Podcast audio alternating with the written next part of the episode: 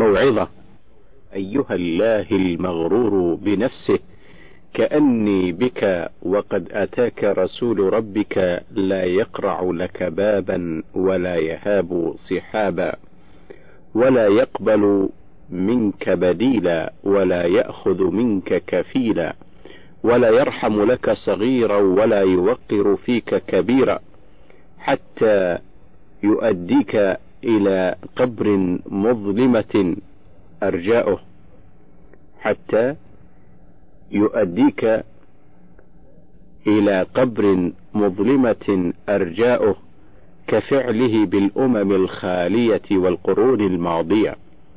أين من سعى واجتهد وجمع وعدد وبنى وشيد وزخرف ونجد وبالقليل لم يقنع وبالكثير لم يمتع.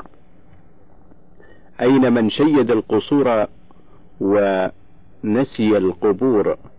أين من شيد القصور ونسى القبور؟ أين من قاد الجنود ونشر البنود؟ أضحوا رفاة تحت أطباق الثرى.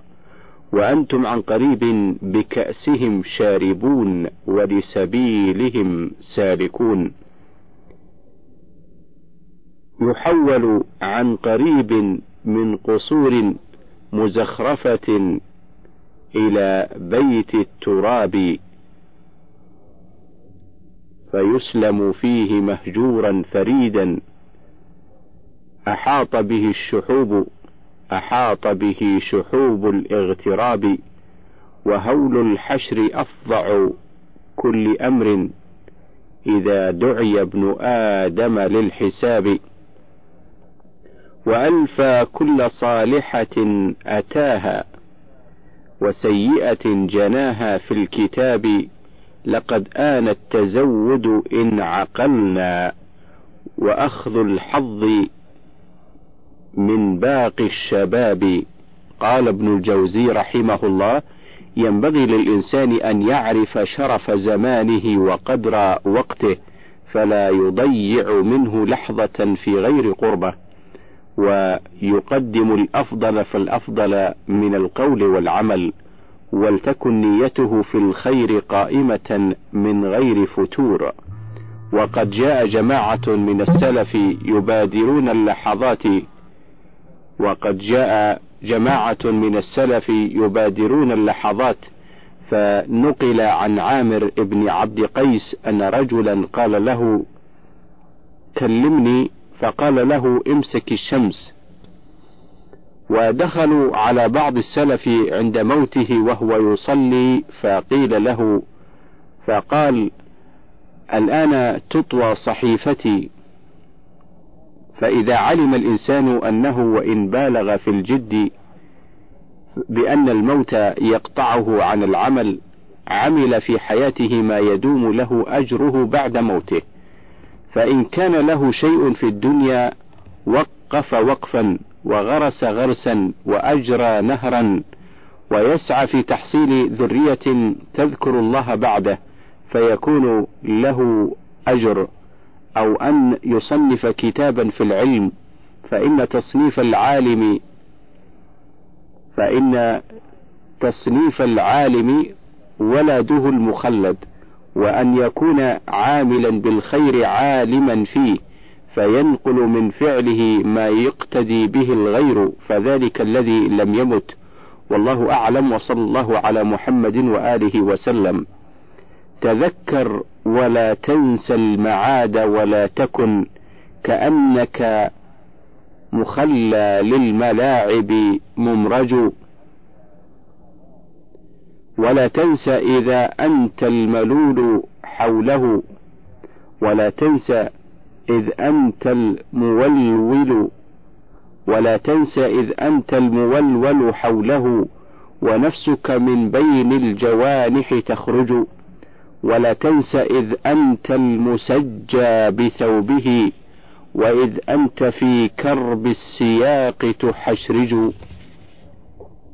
ولا تنس إذ أنت المعزى قريبه وإذ أنت في بيض من الريط مدرج. ولا تنس إذ أنت المعزى قريبه وإذ أنت في بيض من, من الريط مدرج. ولا تنس إذ يهديك قوم إلى الثرى. إذا ما هدوكاه إن ثنوا لم يعرجوا. ولا تنس إذ قبر وإذ من ترابه عليك به ردم ولبن مشرج. ولا تنس إذ تكسى غدا منه وحشة مجالس فيهن العناكب تنسج ولا بد من بيت انقطاع ووحدة وإن سرك البيت العتيق المدجج المدبج.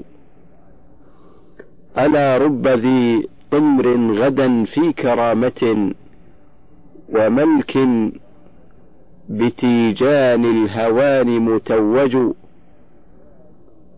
لعمرك ما الدنيا بدار إقامة وإن زخرف الغاوون فيها وزبرجوا اللهم طيبنا للقائك وأهلنا لولائك وأدخلنا مع المرحومين من أوليائك وتوفنا مسلمين وألحقنا بالصالحين. اللهم أعنا على ذكرك وشكرك وحسن عبادتك وتلاوة كتابك واجعلنا من حزبك المفلحين وأيدنا بجندك المنصورين وارزقنا مرافقة الذين أنعمت عليهم من النبيين والصديقين والشهداء والصالحين. اللهم يا فالق الحب والنوى يا منشئ الأجساد بعد البلا يا مؤوي المنقطعين إليه يا كافي المتوكلين عليه انقطع الرجاء إلا منك وخابت الظنون إلا فيك وضعف الاعتماد إلا عليك. نسألك أن تمطر محل قلوبنا من سحائب برك وإحسانك وأن توفقنا لموجبات رحمتك وعزائم مغفرتك. إنك جواد كريم رؤوف رحيم. وصلى الله على محمد وعلى آله وصحبه أجمعين. فصل في ذكر بعض الأدعية الواردة. عباد الله اغتنموا هذه الأوقات الشريفة وأكثروا فيها من الدعاء فإن الدعاء له أثر عظيم وموقع جسيم وهو مخ العبادة ولا سيما إذا كان بقلب حاضر وصادق. ولا سيما إذا كان بقلب حاضر وصادق إخباتا وخشوعا وانكسارا وتضرعا. وهو مخ العبادة ولا سيما إذا كان بقلب حاضر صادف إخباتا وخشوعا وانكسارا وتضرعا ورقة وخشية واستقبل القبلة حال دعائه وكان على طهارة. وجدد توبه توبته وأكثر من الاستغفار وبدأ بحمد الله وتنزيهه وتمجيده وتقديسه والثناء عليه وشكره ثم صلى على النبي صلى الله عليه وسلم بعد ذلك ودعا بدعاء مشروع باسم من أسماء الله الحسنى مناسب لمطلوبه فإن كان يريد علما قال يا عليم علمني وإن كان يطلب رحمة قال يا رحمن ارحمني. وإن كان يطلب رزقا قال يا رزاق ارزقني ونحو ذلك. ولم يمنع من الدعاء ولم يمنع من الدعاء مانع كأكل الحرام وقطيعة رحم وعقوق ونحو ذلك. وتحرى أوقات الإجابة وأتي بأسبابها. وهي الاستجابة لله وتحرى أوقات الإجابة وأتى بأسبابها وهي الاستجابة لله تعالى بالانقياد لأوامره والانتهاء عما نهى عنه. فالله أصدق القائلين وأوفى الواعدين. قال تعالى ادعوني أستجب لكم. وقال عز من قائل وإذا سألك عبادي عني فإني قريب أجيب دعوة الداعي إذا دعان. وقال جل وعلا ادعوا ربكم تضرعا وخفية وقال تبارك وتعالى أما يجيب المضطر إذا إذا دعاه ويكشف السوء. وقال تعالى وعد, وعد الله وعد الله لا يخلف الله وعده. وقال ومن أصدق من الله قيلا. ومن أوقات إجابة الدعاء إذا اجتمعت الشروط وانتفت الموانع ثلث الليل الأخير ويوم الجمعة عند صعود الإمام المنبر أو في آخر ساعة من يومها وعند الأذان وبين الأذان والإقامة وعند نزول الغيث وعند فطر الصائم وعشية عرفة وفي حالة السجود وفي ليلة القدر وفي أدبار الصلوات وفي أدبار النوافل وعند ختم القرآن وعند البكاء والخشية من الله وفي جوف الليل وعند دعاء المسلم لأخيه بظهر الغيب وبعد زوال الشمس عن كبد السماء قال بعضهم قالوا شروط الدعاء المستجاب لنا عشر بها بشر الداعي بإفلاح طهارة وصلاة معهما ندم وقت خشوع وحسن الظن يا صاحي. وحل قوت ولا يدعى بمعصية واسم يناسب واسم يناسب مقرون بإلحاح. فصل الأدلة لما تقدم عن ابن عباس رضي الله عنهما أن رسول الله صلى الله عليه وسلم قال في ثلث الليل الأخير إنها ساعة مشهودة والدعاء فيها مستجاب أخرجه الحاكم والترمذي. وعن ابن عمر قال نادى رجل رسول الله صلى الله عليه وسلم أي الليل أجوب دعوة؟ قال جوف الليل الأخير. أخرجه البزار والطبراني بسند صحيح. وعن أبي هريرة وعن أبي هريرة رضي الله عنه أن رسول الله صلى الله عليه وسلم ذكر يوم الجمعة فقال فيه ساعة لا يوافقها عبد مسلم وهو قائم يصلي يسأل الله شيئا إلا أعطاه. أخرجه الشيخان. وعن عثمان ابن أبي العاص الثقفي أن النبي صلى الله عليه وسلم قال تفتح أبواب السماء نصف الليل فينادي مناد هل من داع فيستجاب له. هل من سائل فيعطى هل من مكروب فيفرج عنه. فلا يبقى مسلم فيدعوه بدعوة إلا استجاب له إلا زانية تسعى بفرجها أو عشارا. أخرجه الطبراني بسند صحيح. وعن عائشة قالت قال رسول الله صلى الله عليه وسلم ثلاث ساعات للعبد المسلم ما دعا فيهن إلا استجيب له ما لم يسأل قطيعة رحم أو مأثما وعن أبي الدرداء أن أن رسول الله صلى الله عليه وسلم كان يقول دعوة المسلم لأخيه بظهر الغيب مستجابة عند رأسه ملك موكل كلما دعا لأخيه بخير قال الملك الموكل به آمين ولك بمثل. رواه مسلم. حين يؤذن حين يؤذن للصلاة حتى يسكت وحين يلتقي الصفان حتى يحكم الله بينهما وحين ينزل المطر حتى يسكن.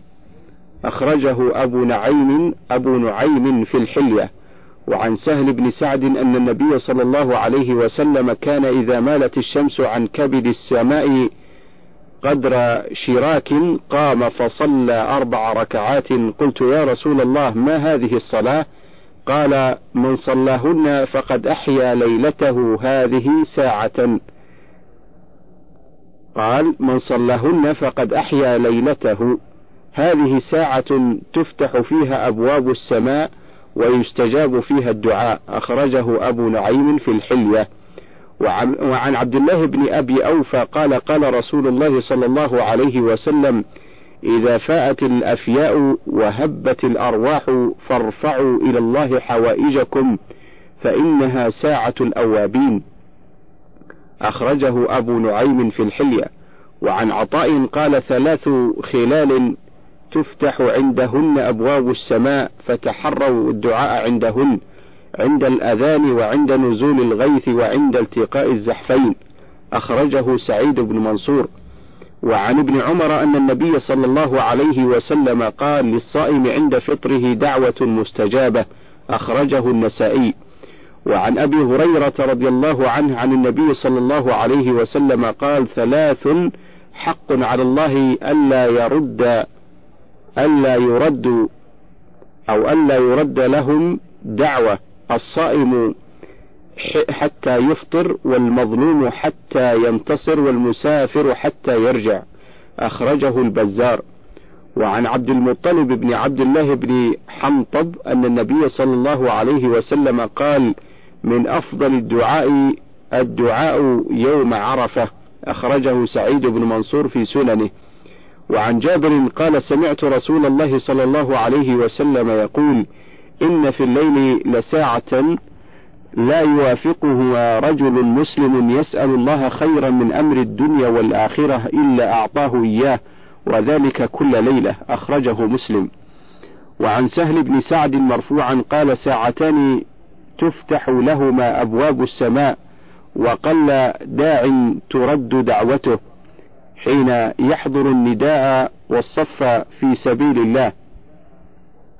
أخرجه البخاري في الأدب. وعنه أن رسول الله صلى الله عليه وسلم قال اثنتان لا تردان الدعاء عند الدعاء عند النداء. قال اثنتان لا تردان الدعاء عند النداء وحين البأس حين يلحم بعضهم بعضا. أي ينشب بعضهم ببعض في الحرب أخرجه الحاكم في المستدرك. وعن أنس أن رسول الله صلى الله عليه وسلم قال الدعاء مستجاب ما بين النداء والإقامة أخرجه أبو داود والترمذي والحاكم. وعن أبي أمامة أن رسول الله صلى الله عليه وسلم قال إذا نادى المنادي فتحت أبواب السماء. واستجيب الدعاء فمن, نز فمن نزل به كرب أو شدة فليتحرى المنادي فيجيبه. ثم يقول اللهم رب هذه الدعوة التامة الصادقة المستجابة. المستجاب لها دعوة الحق وكلمة التقوى. أحينا وآمتنا عليها واجعلنا من خيار أهلها أحياء وأمواتا. ثم يسأل الله حاجته. أخرجه الحاكم. عن ابن عمر أن النبي صلى الله عليه وسلم قال للصائم عند فطره دعوة مستجابة. أخرجه النسائي. وعن ابن عباس أن النبي صلى الله عليه وسلم قال إني نهيت أن أقرأ القرآن راكعا وساجدا. فأما الركوع فعظموا فيه الرب وأما السجود فاجتهدوا فيه من الدعاء. فقامل أن يستجاب لكم. أخرجه مسلم. وعن عبادة بن الصامت أن رسول الله صلى الله عليه وسلم قال يوما وحضر رمضان أتاكم شهر بركة فيه تنزل الرحمة وتحط الخطايا ويستجاب الدعاء. وأخرج في الأوسط عن عمر بن الخطاب رضي الله عنه قال قال رسول الله صلى الله عليه وسلم ذاكر الله في رمضان مغفور له وسائل الله فيه لا يخيب. أخرجه الطبراني. وروي أقرب ما يكون العبد من ربه وهو ساجد فأكثر الدعاء. وروي من صلى فريضة فله دعوة مستجابة. ومن ختم القرآن فله دعوة مستجابة. وعن ربيعة بن وقاص أن رسول الله صلى الله عليه وسلم قال ثلاث مواطن لا ترد فيها دعوة عبد رجل يكون في برية حيث لا يراه إلا الله ورجل يكون معه فئة فيفر عنه أصحابه فيثبت ورجل يقوم من آخر الليل. أخرجه أبو نعيم في أخبار الصحابة. وعن عمر قال قال رسول الله صلى الله عليه وسلم إذا فتح على العبد الدعاء فليدع ربه فإن الله تعالى يستجيب. أخرجه الترمذي. وعن خالد الحذاء قال كان عيسى عليه السلام يقول إذا وجدتم قشعريرة ودمعة فادعوا عند ذلك. أخرجه أحمد في الزهد. وروي اغتنموا الدعاء عند الرقة فإنها رحمة. وروي الدعاء بين الأذان والإقامة مستجاب. وروي عند أذان المؤذن يستجاب الدعاء. فإذا كان الإقامة لا ترد دعوته. وعن أبي موسى قال قال رسول الله صلى الله عليه وسلم من كانت له إلى الله حاجة فليدع بها دبر صلاة مفروضة. أخرجه ابن عساكر. وعن أنس عن النبي صلى الله عليه وسلم قال مع كل ختمة دعوة مستجابة وأخرجه من وجه آخر بلفظ آخر عند ختم القرآن دعوة مستجابة وشجرة في الجنة أخرجه البيهقي في شعب الإيمان. فعليكم عباد الله بالاجتهاد بالدعاء وعليكم بجوامع الدعاء التي تجمع خير الدنيا والآخرة. وفي الصحيحين كان أكثر دعاء النبي صلى الله عليه وسلم اللهم آتنا في الدنيا حسنة وفي الآخرة حسنة وقنا عذاب النار. ومن دعائه صلى الله عليه وسلم إذا سافر أنه كان يتعوذ من وعثاء السفر وكآبة المنظر والحور بعد الكور ودعوة المظلوم وسوء المنظر في الأهل والمال. رواه مسلم.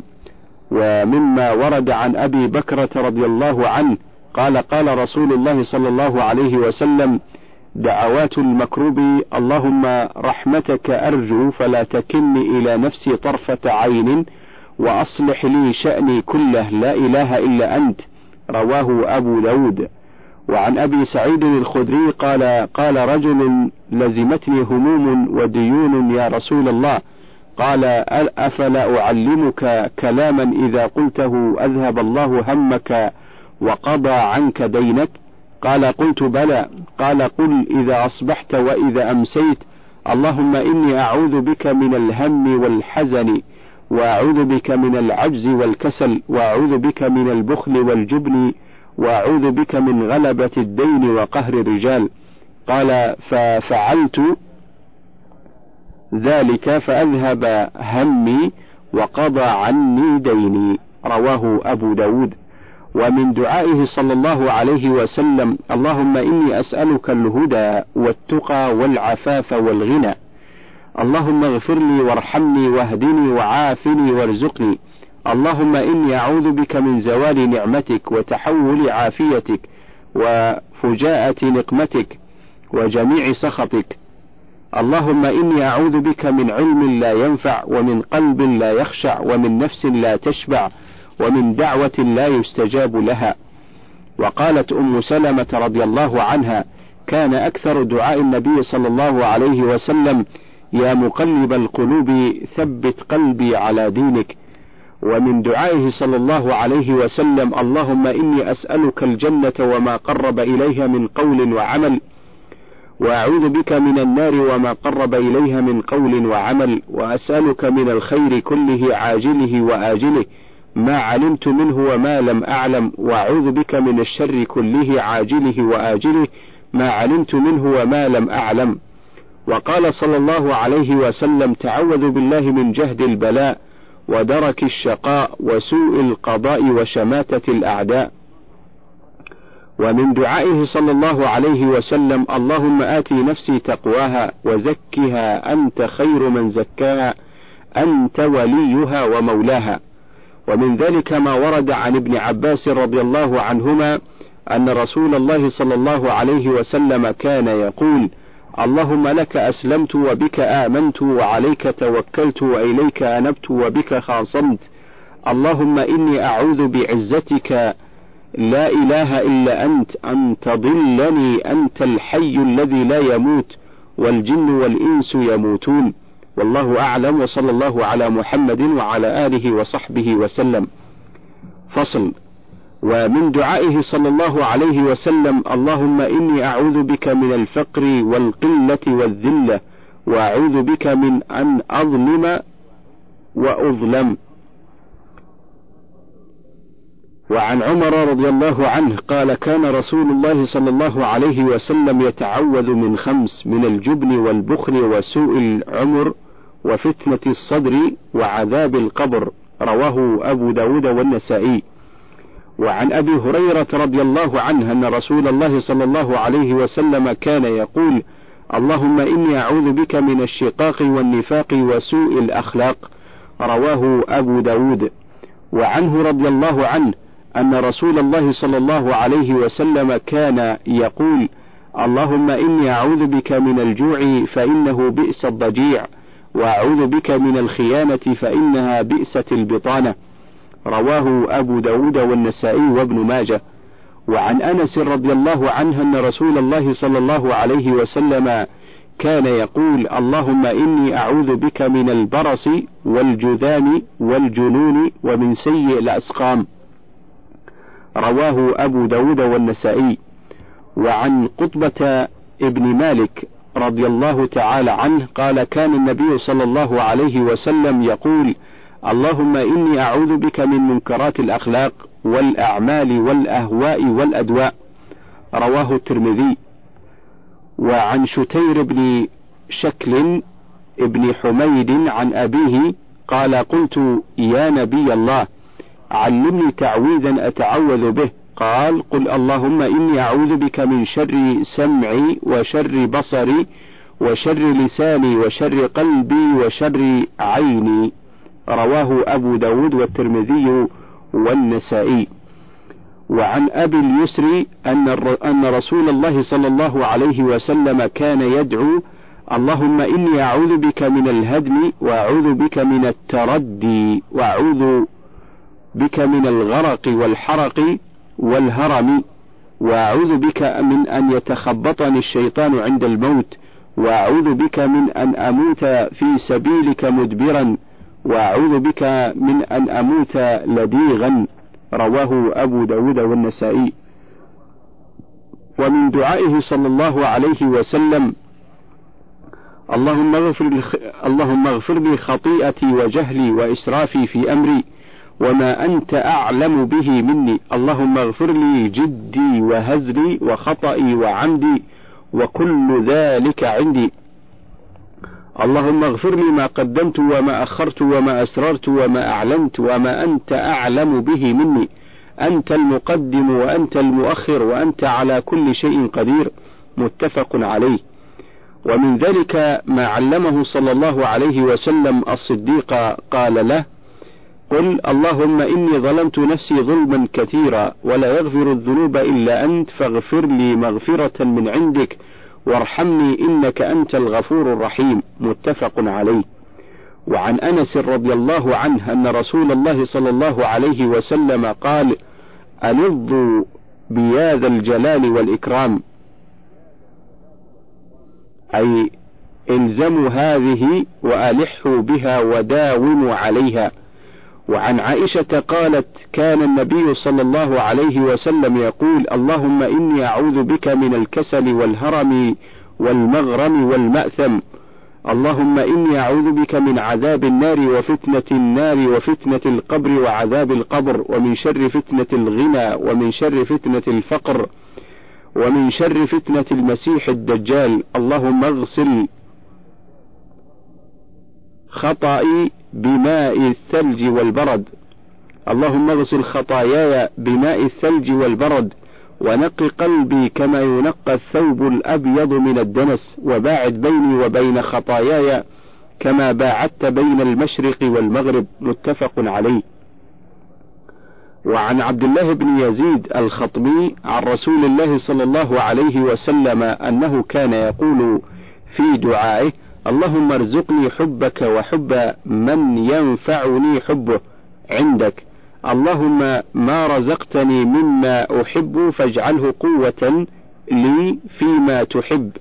اللهم ما زويت عني مما أحب فاجعله فراغا فيما تحب.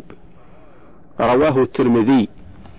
وعن أبي الدرداء قال قال رسول الله صلى الله عليه وسلم كان من دعاء داود يقول اللهم إني أسألك حبك وحب من يحبك والعمل الذي يبلغني, يبلغني حبك اللهم اجعل حبك أحب إلي من نفسي ومالي وأهلي ومن الماء البارد.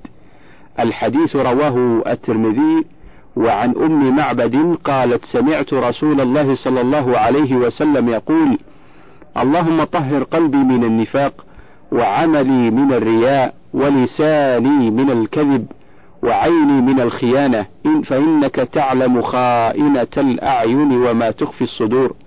رواه البيهقي في الدعوات الكبير.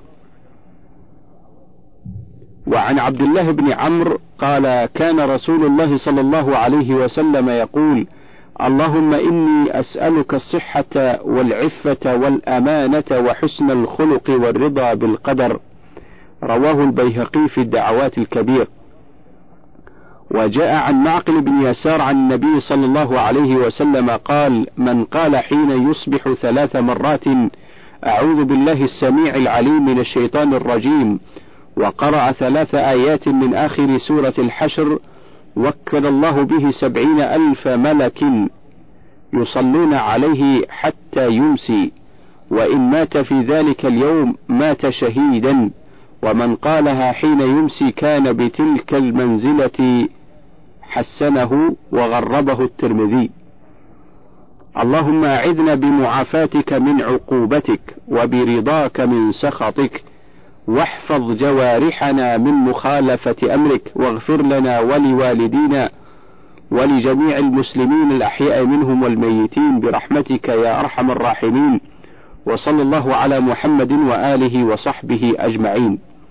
موعظة. عباد الله إن الناس في هذا الزمن لم يعرفوا ربهم المعرفة التي تليق بجلاله وعظمته ولو عرفوه حق المعرفة لم يكونوا بهذه الحال لأنه من كان بالله أعرف كان منه أخوف.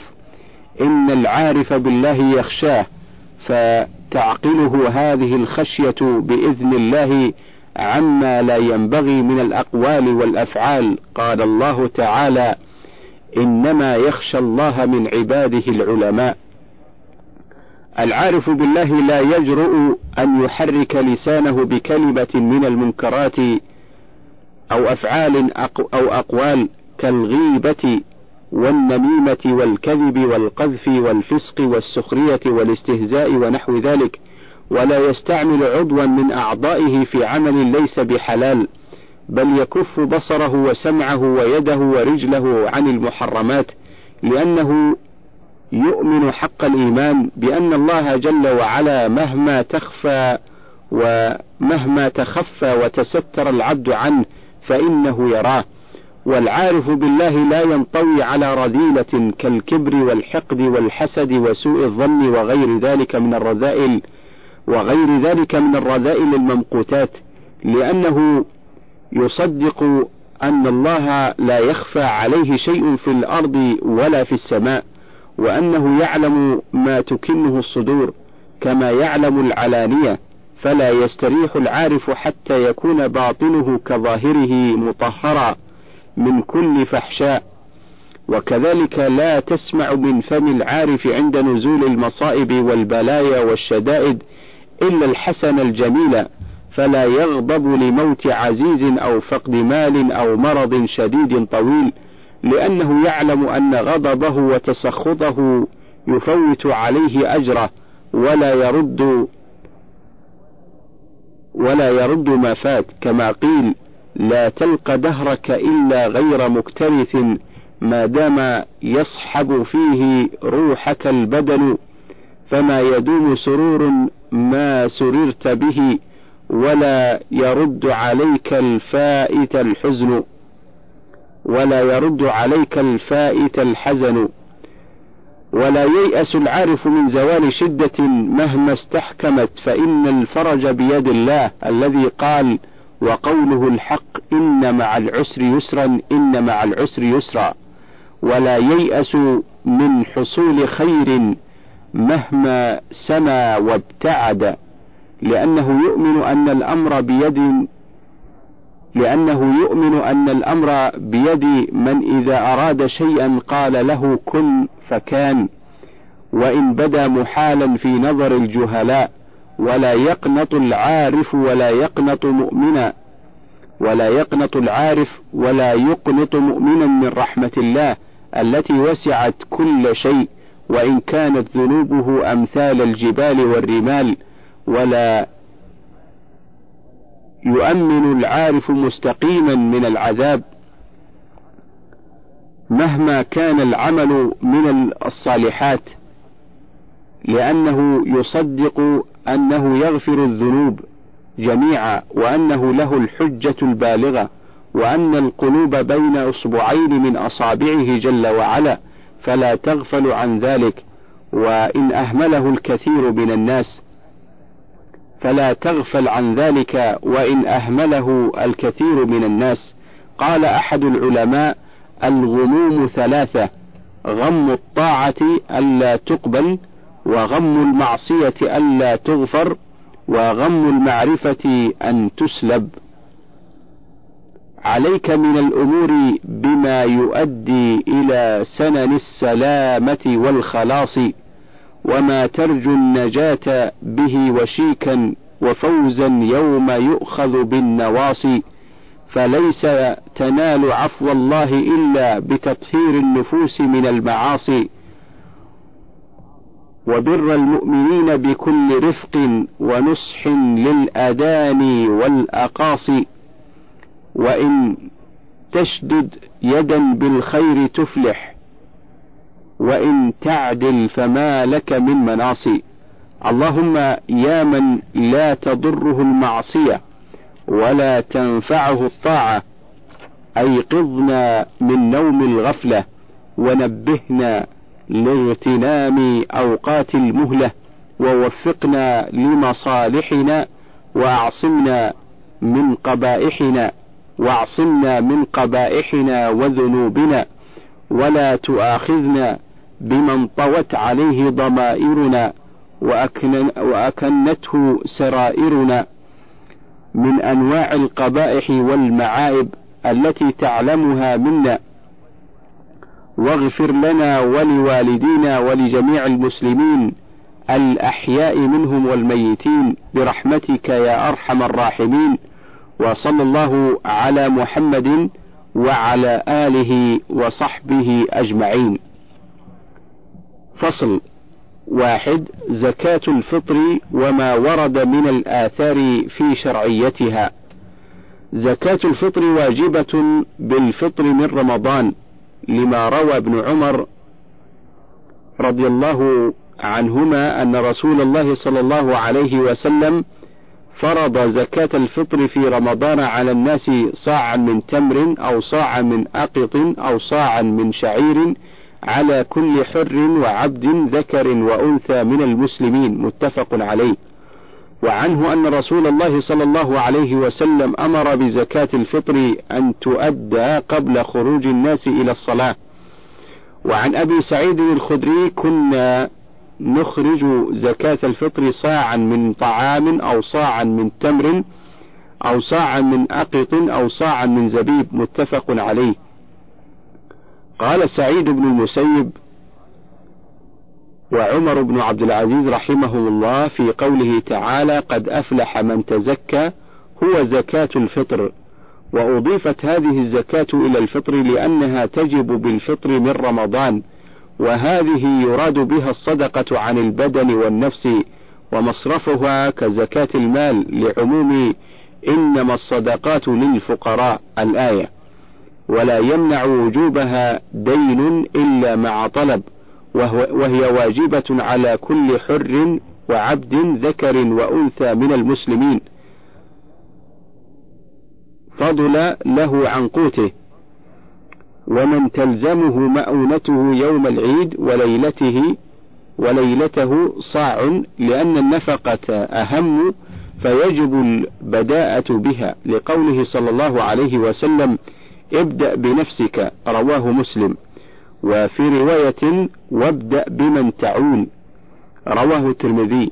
ويعد ويعتبر كون ذلك الصاع فاضلا عما يحتاجه لنفسه. ومن تلزمه مؤونته من مسكن وخادم ودابة وثياب آه،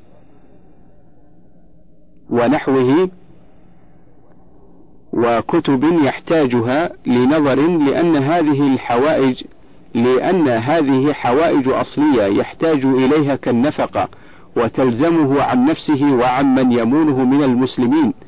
كزوجة وعبد وولد لعموم حديث ابن عمر رضي الله عنهما أمر رسول الله صلى الله عليه وسلم بصدقة الفطر عن الصغير والكبير ممن تمونون. رواه الدار قطني. رواه الدار قطني. فإن لم يجده لجميعهم بدأ بنفسه فزوجته فرقيقه فأمه فأبيه فولده فأقرب في ميراث ويقرع مع الاستواء. أما دليل البداءة بالنفس فلحديث ابدأ بنفسك ثم بمن تعول وأما الزوجة فلوجوب نفقت نفقتها في حالة اليسر والعسر لأنها على سبيل المعاوضة. وأما الرقيق فلوجوب نفقته مع الإعسار بخلاف الأقارب لأنها صلة تجب على اليسار دون الإعسار. وأما الأم فلقوله صلى الله عليه وسلم للأعرابي حين قال له من أبر؟ قال أمك. قال ثم من؟ قال أمك. قال ثم من؟ قال أمك. قال ثم من؟ قال أبوك. ولأنها ضعيفة عن الكسب وأما الأب فلما سبق وحديث أنت ومالك لأبيك وأما الولد فلقربه ووجوب نفقته في الجملة وأما الأقرب في الميراث فلأنه أولى من غيره كالميراث. وتستحب عن الجنين لفعل عثمان رضي الله عنه وعن أبي قلابة قال يعجبهم أن يعطوا زكاة الفطر عن الصغير والكبير حتى عن الحمل في بطن أمه رواه أبو بكر. ولا تجب. قال ابن المنذر كل ما نحفظ عنه لا يوجبها عن الجنين وتجب على اليتيم ويخرج عنه ويخرج عنه وليه من ماله. ولا يلزم الزوج فطرة زوجة ناشز وقت الوجوب. ولا تلزم الزوج فطرة فطرة من لا تلزمه نفقتها كغير المدخول بها إذا لم تسلم إليه كغير المدخول بها إذا لم تسلم إليه والصغيرة التي لا يمكن الاستمتاع بها. ومن لزم غيره فطرته كالزوجة فأخرج عن نفسه بغير إذن بغير إذن من وجبت عليه أجزاء والله أعلم. وصلى الله على محمد وآله وصحبه وسلم. من فضلك تابع بقية المادة.